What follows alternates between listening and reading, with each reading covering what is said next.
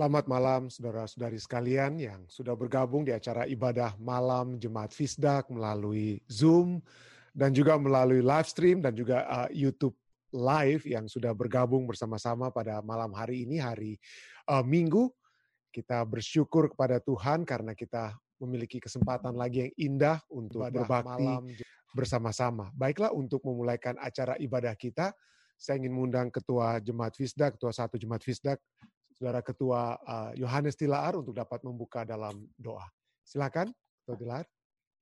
Mari kita berdoa. Bapa di sorga, pada malam ini kembali kami datang bersyukur dan berterima kasih.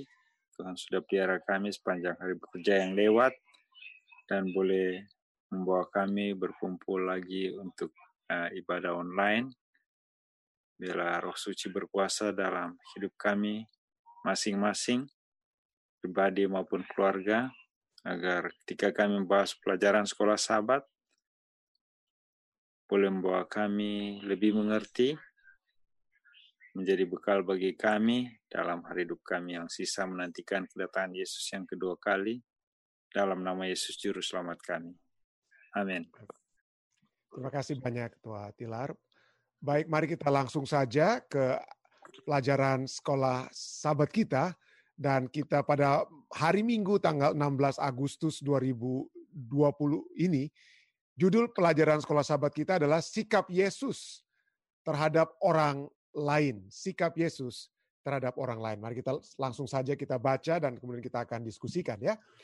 Yesus selalu mencari yang baik pada orang lain. Dia mencoba selalu untuk mengeluarkan rule out yang terbaik dari dalam diri mereka salah satu kritikan yang atau salah satu kritik yang dilakukan oleh para pemuka agama pada zaman Yesus tentang Yesus adalah bahwa Yesus ini menerima orang-orang berdosa dan makan bersama-sama dengan mereka.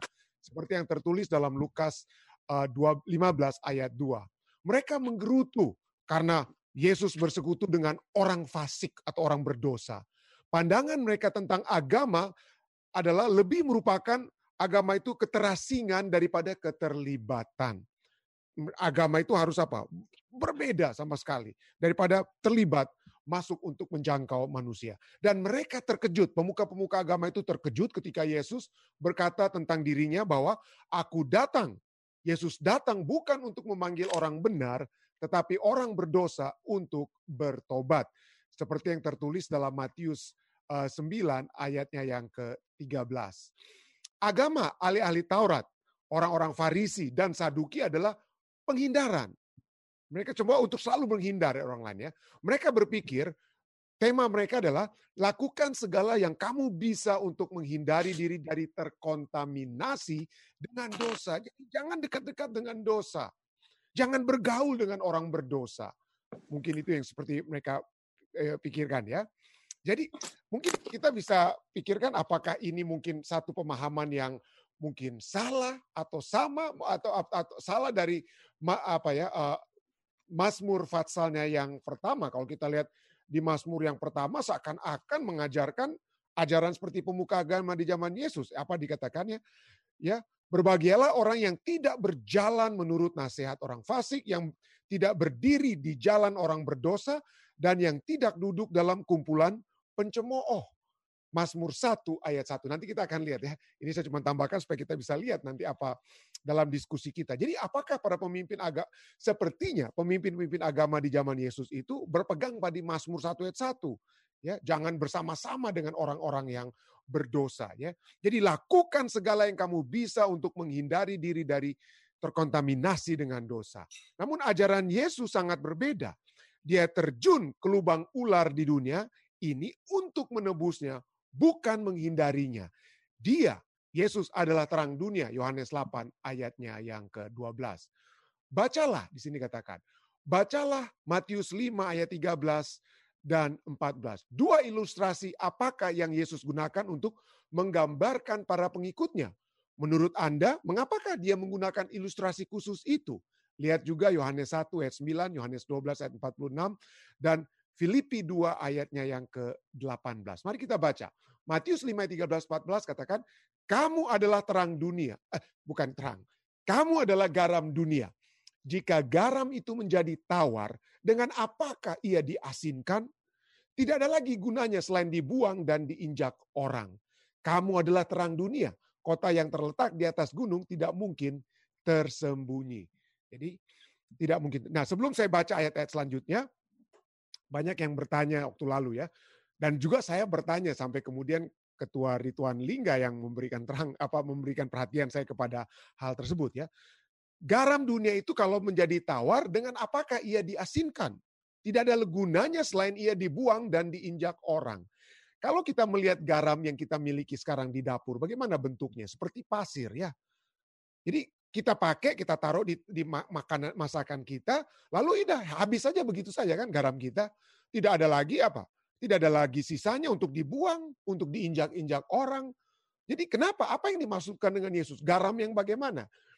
Nah, waktu Ketua Rituan membahas tentang hal tersebut, dia katakan bahwa di di apa ya di Timur Tengah itu garam itu dalam bentuk waktu dan pak dalam bentuk batu dan pada saat ketua Rituan bilang seperti itu, saya teringat batu yang saya ambil dari laut mati di di di tanah uh, di di apa ya di Israel.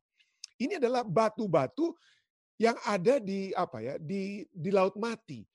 Sangat ini adalah mineral-mineral garam yang sudah membatu dan ini sangat asin sekali.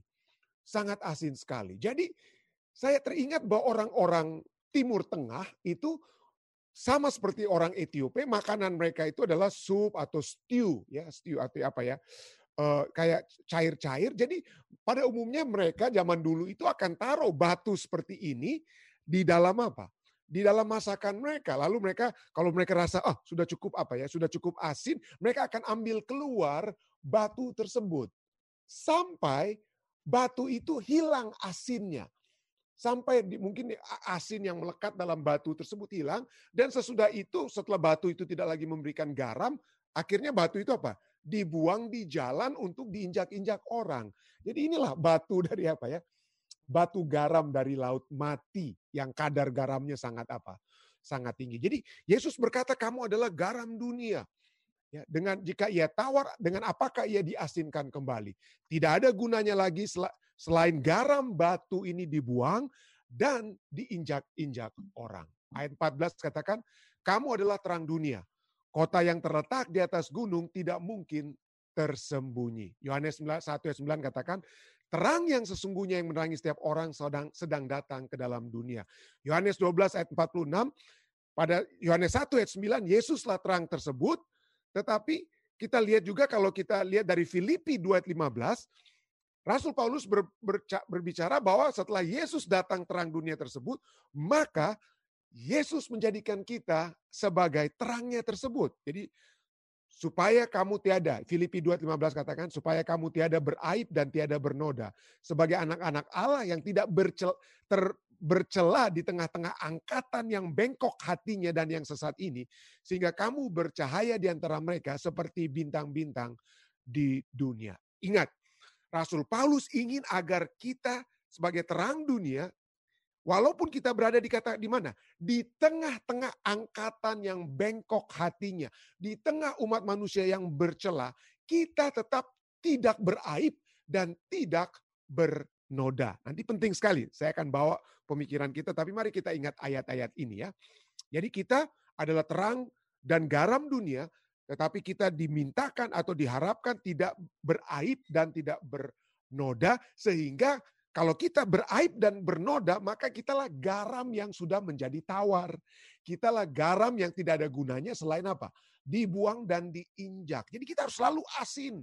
Kita harus selalu terang. Ya, Jangan pernah apa berubah dalam terang. Walaupun kita berada di dunia yang yang yang apa ya tidak uh, yang beraib dan dan dan ber, bernoda. Mari kita teruskan bacaan kita ya. Garam adalah salah satu sumber terpenting di dunia kuno. Itu sangat berharga dan terkadang serdadu-serdadu Romawi, legiun Romawi menggunakannya sebagai mata uang. Itu adalah simbol kekayaan besar. Itu juga digunakan untuk mengawetkan dan membumbui makanan. Ya, jadi uh, sekali lagi saya ingin mungkin Anda uh, lihat ya. Jadi sebelum mungkin tadi agak kecil, tapi inilah uh, garam ya, garam yang ada dari laut mati yang mana selalu digunakan untuk mereka apa? Masak ya. selalu mereka gunakan untuk memasak. Baik, mari kita kembali kepada bacaan kita. Jadi, garam digunakan untuk mengawetkan dan membumbui makanan. Ketika Yesus menggunakan ilustrasi garam untuk melambangkan pengikutnya, dia benar-benar mengatakan bahwa kekayaan dunia yang sebenarnya bukanlah orang yang paling kuat dan terkaya di dunia. Tapi apa itu kekayaan yang sejati? Kekayaan sejati dunia adalah orang-orang Kristen yang berkomitmen, yang membuat perbedaan bagi kerajaan Allah. Tindakan mereka yang penuh kasih dari pelayanan tanpa pamrih dapat melestarikan kebaikan dunia dan membuat suasananya lebih menarik. Ilustrasi kedua yang digunakan Yesus dalam Matius 5 ayat 14 adalah terang dunia. Terang tidak menghindari kegelapan, Selalu apa ya, dia tidak takut dengan kegelapan. Bahkan kegelapan itu yang apa ya, tidak bisa apa, tidak bisa menghindar dari juga terang ya. Terang akan bersinar dalam kegelapan. Itu tidak terpisah dari kegelapan, namun menembus kegelapan, membuat kegelapan menjadi terang. Para pengikut Yesus harus menembus menembus kegelapan dunia ini di lingkungan, di desa, di kampung dan kota mereka untuk meneranginya dengan kemuliaan Allah. Setelah mempertimbangkan kata-kata Yesus dalam Yohanes 17 ayat 15 sampai dengan 18. Bagaimanakah kita memahami gagasan pemisahan dari dunia? Kita harus dipisahkan dari dunia karena dunia ini sudah apa? Beraib dan bernoda dan menghindar dari dunia. Ya, jadi bagaimana kita harus apa ya? Kita berada di dalam dunia tapi kita tidak apa ya? Kita ber, kita berada di dalam dunia dan kita harus apa? Menghindar dari dunia. Apakah hal itu sama? Apakah yang Yesus maksudkan ketika dia berdoa agar para pengikutnya yang yang akan ada di dunia tetapi tidak dari dunia? Bagaimanakah hal ini kita dapat lakukan?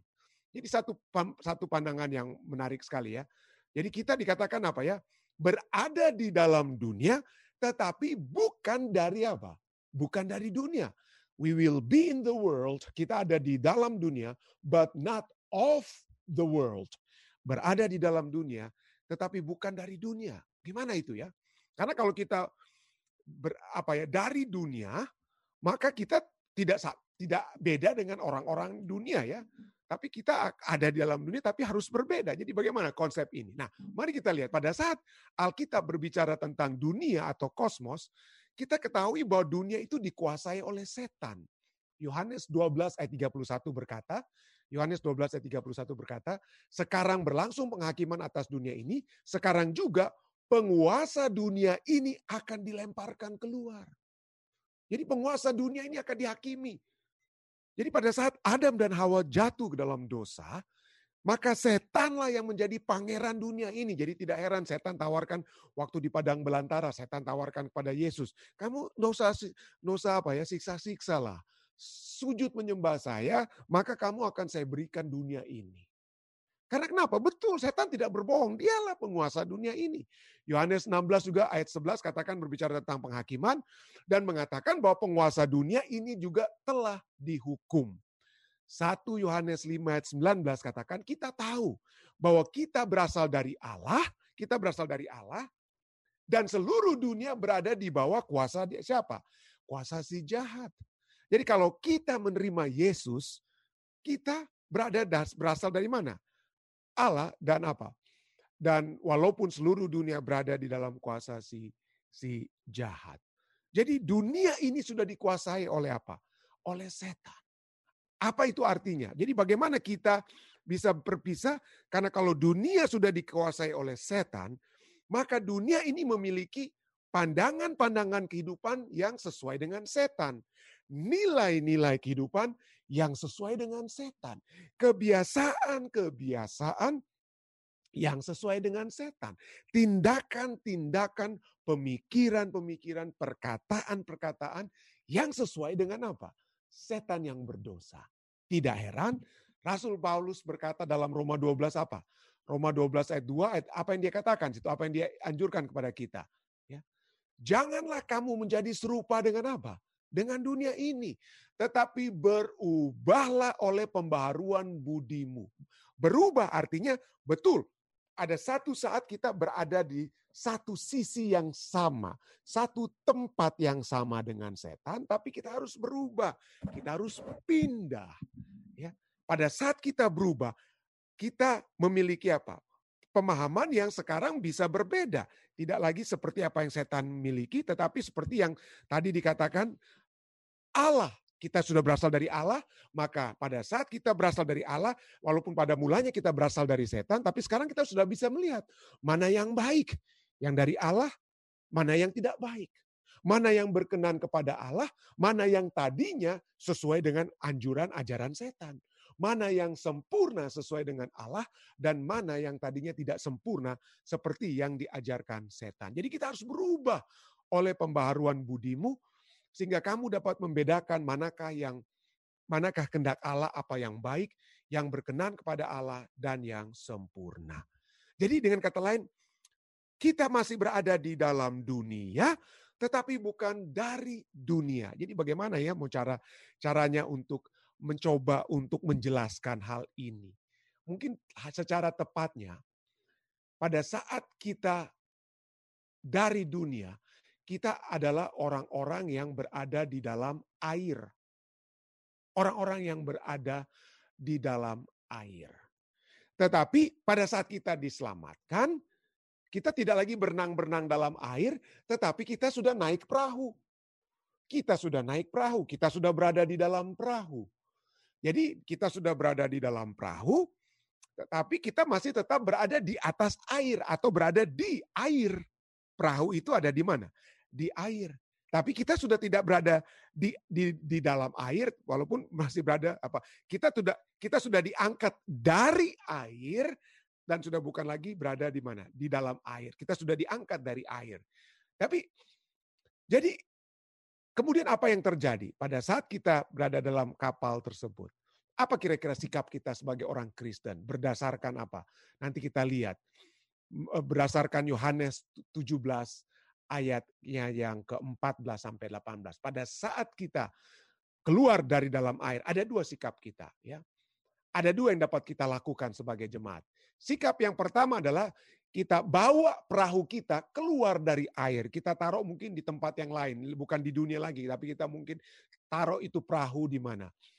Taruh perahu itu di daratan. Jadi kita hidup terpisah dari dunia.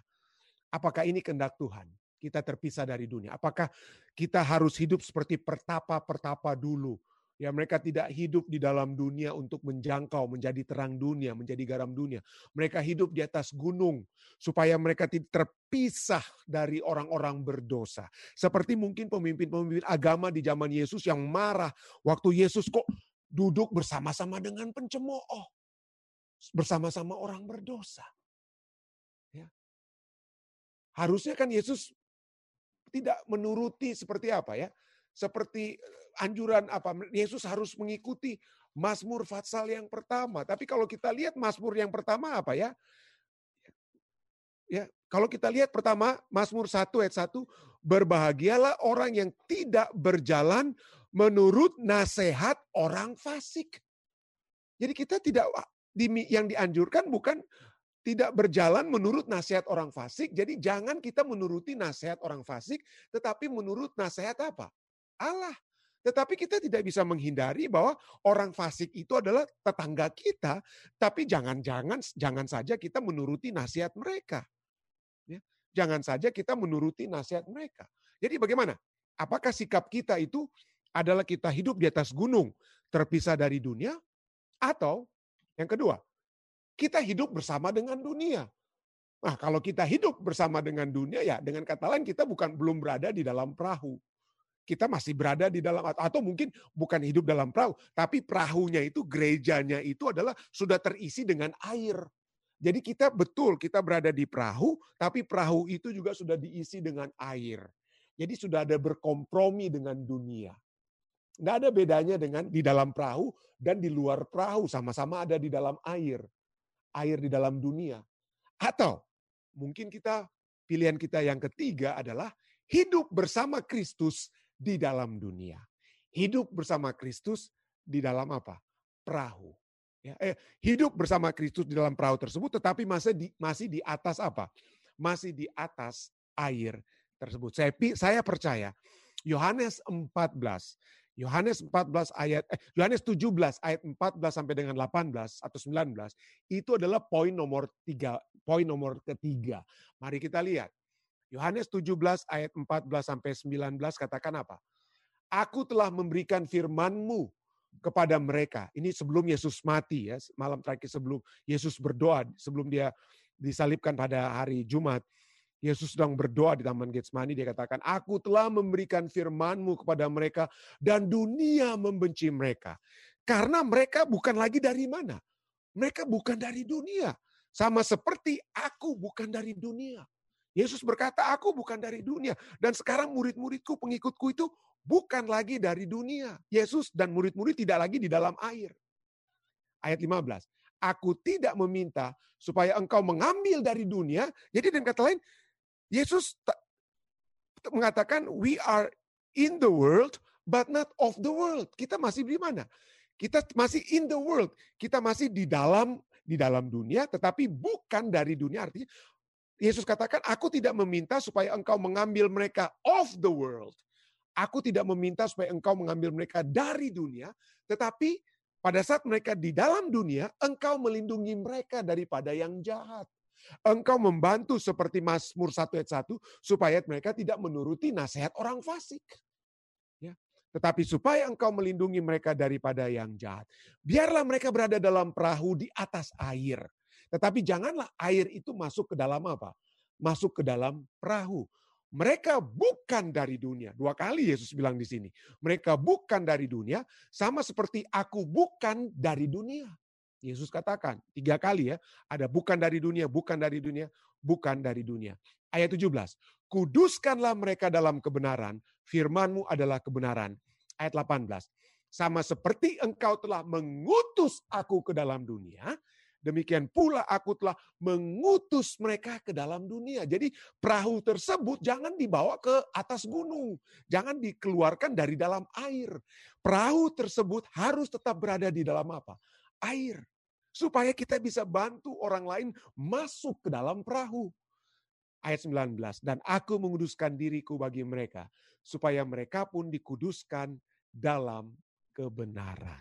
Jadi marilah, ya pelajaran sekolah sahabat kita cukup indah ya. Marilah kita apa ya, hidup bersama dengan Kristus di dalam dunia.